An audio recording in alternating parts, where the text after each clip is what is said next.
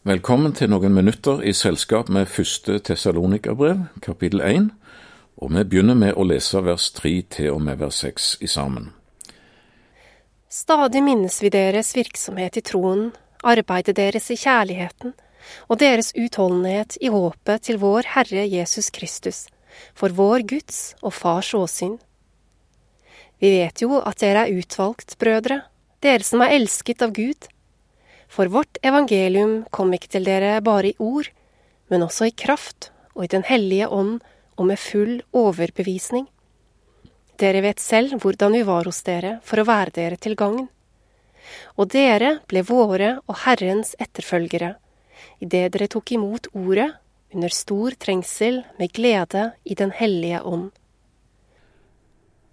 Paulus begynner med å si at vi takker alltid Gud for dere, vers 2. Og her er tre grunner til denne Paulus' glede over tessalonikerne. For det første, han gleder seg over deres tro som viser seg i gjerning. Eh, som en annen bibeloversettelse sier, altså tro som var virksom, aktiv, og som altså ikke var død. For det andre så gleder han seg over deres agapekjærlighet, som gav seg utslag i arbeid i tjeneste. Før hadde mange av disse menneskene levd eh, sikkert mest for seg sjøl, men nå var de begynt å leve for Jesus og for sin neste. Og for det tredje så gleder han seg over deres håp til Herren, som virka tålmodighet. Og det behøvde virkelig tessalonikerne, for det var tøffe tider, og det kosta å følge Jesus i Tessalonika. Paulus var inderlig bekymra for dem, det blir vi klar over seinere i dette brevet. Så han var veldig glad når eh, det ble rapportert tilbake igjen at de holder ut. Deres håp til Herren gir de styrke hver eneste dag. Så det er tre ordpar her som hører sammen, og som var hos tessalonikerne, og som Paulus gleda seg over. For det første tro og gjerning. For det andre agape og arbeid, tjeneste. Og for det tredje håp og utholdenhet. Første kor 1313. 13. Nå blir de stående, disse tre. Tro, håp og agape. I vers fire sier Paulus, vi vet jo at dere er utvalgt brødre. Ja, hvordan kunne han vite det? Mange har jo grubla over dette. Er jeg utvalgt? Er jeg en av de som Jesus vil ha, eller er jeg forhåndsdømt til å gå fortapt? Sånn en grubling er for det første bare destruktiv, og for det andre helt unødvendig. Legg merke til at Paulus både begrunner og forankrer utvelgelsen i evangeliet om Jesus. Da evangeliet kom til dere, i ord og i kraft, fordi Den hellige ånd er aktiv i dette ord og virker tro og overbevisning ut fra evangeliet, vers 5. Da tok dere imot ordet, vers 6. Dere avviste ikke evangeliet. Dere sa ikke nei takk. Dere takka ja og tok imot. Ja vel, da vet vi at dere er utvalgt av Gud. For den som mottar Jesus, er utvalgt av Gud. Han utvalgte oss jo i Kristus. Merk oss det. I Kristus, og det før verdens grunnvoll ble lagt. Efeserbrevet 1 og vers 3.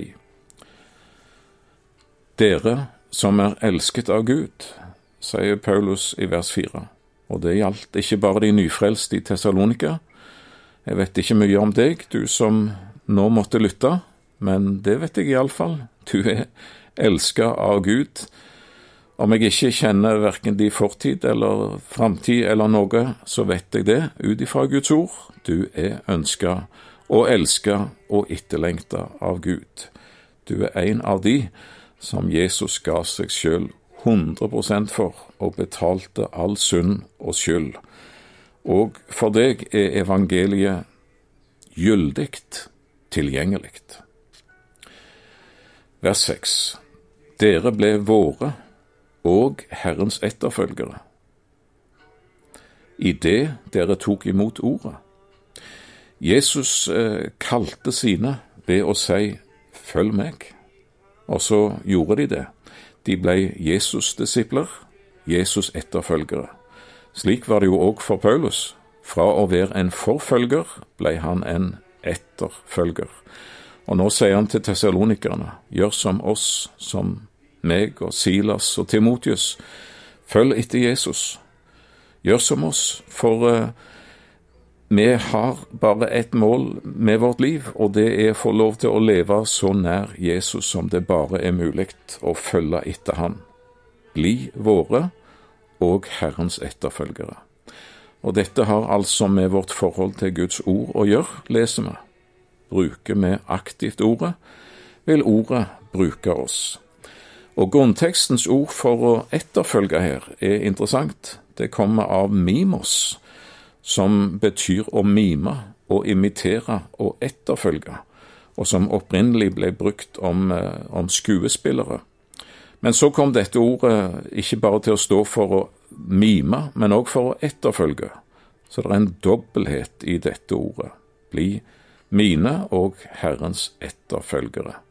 Kanskje fikk jeg eh, innholdet i dette ordet levende demonstrert eh, da jeg en gang satt ved fontenen ved det historiske Pantheon i Roma. I folkemengden der så var det òg en gjøgler som plukka ut tilfeldige og intetanende forbipasserende, og han fulgte tett i deres hæler og etterapte absolutt alt de gjorde, ganglaget, bevegelsene, alt, og karikerte det til tilskuernes fryd. Når så den intetanende person begynte å ane uro og stoppet opp, da sto imitatoren der med verdens uskyldigste mine.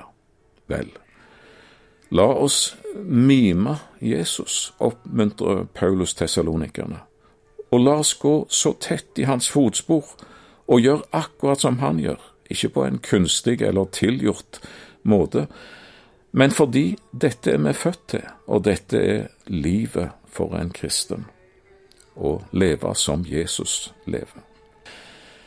La oss så lese versene sju til og med vers ti i sammen.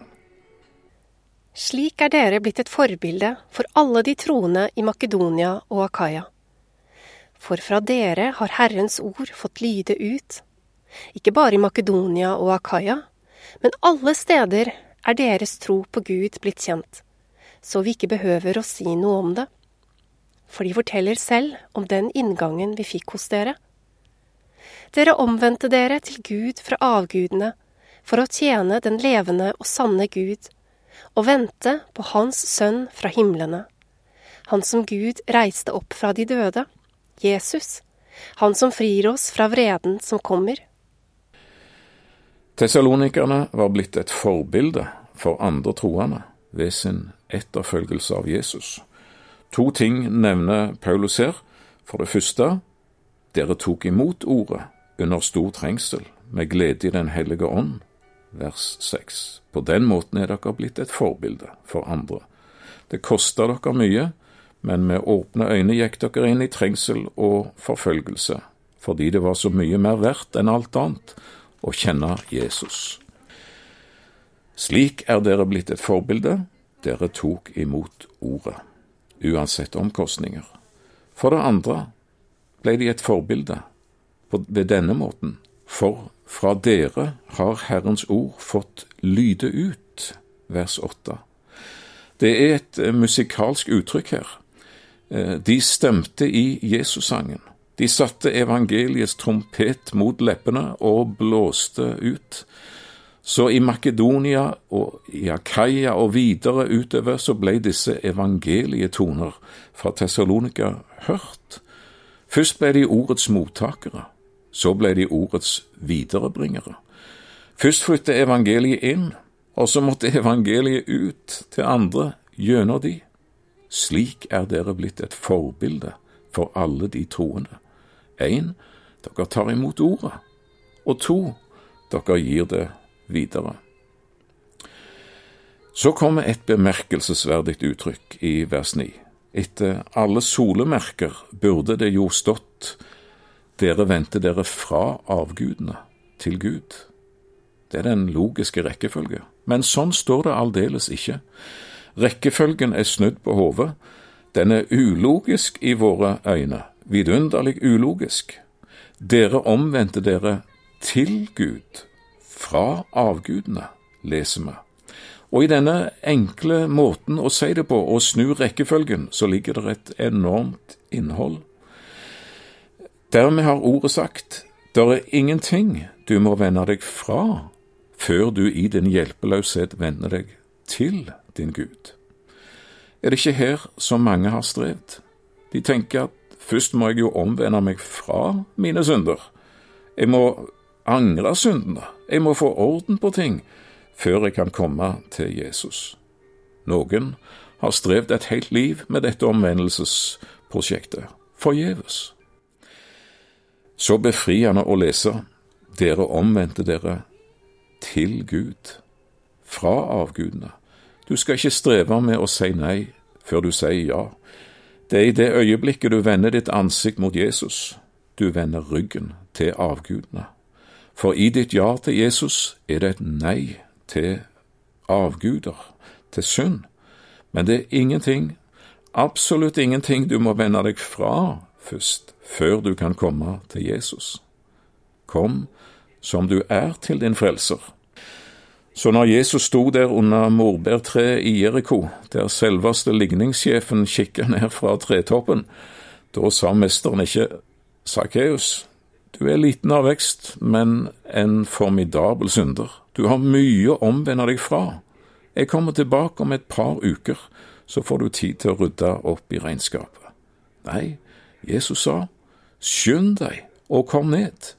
I dag må jeg bli i ditt hus. Og ligningssjefen slapp taket og jumpa ned fra øverste grein. Alt begynner med nåden.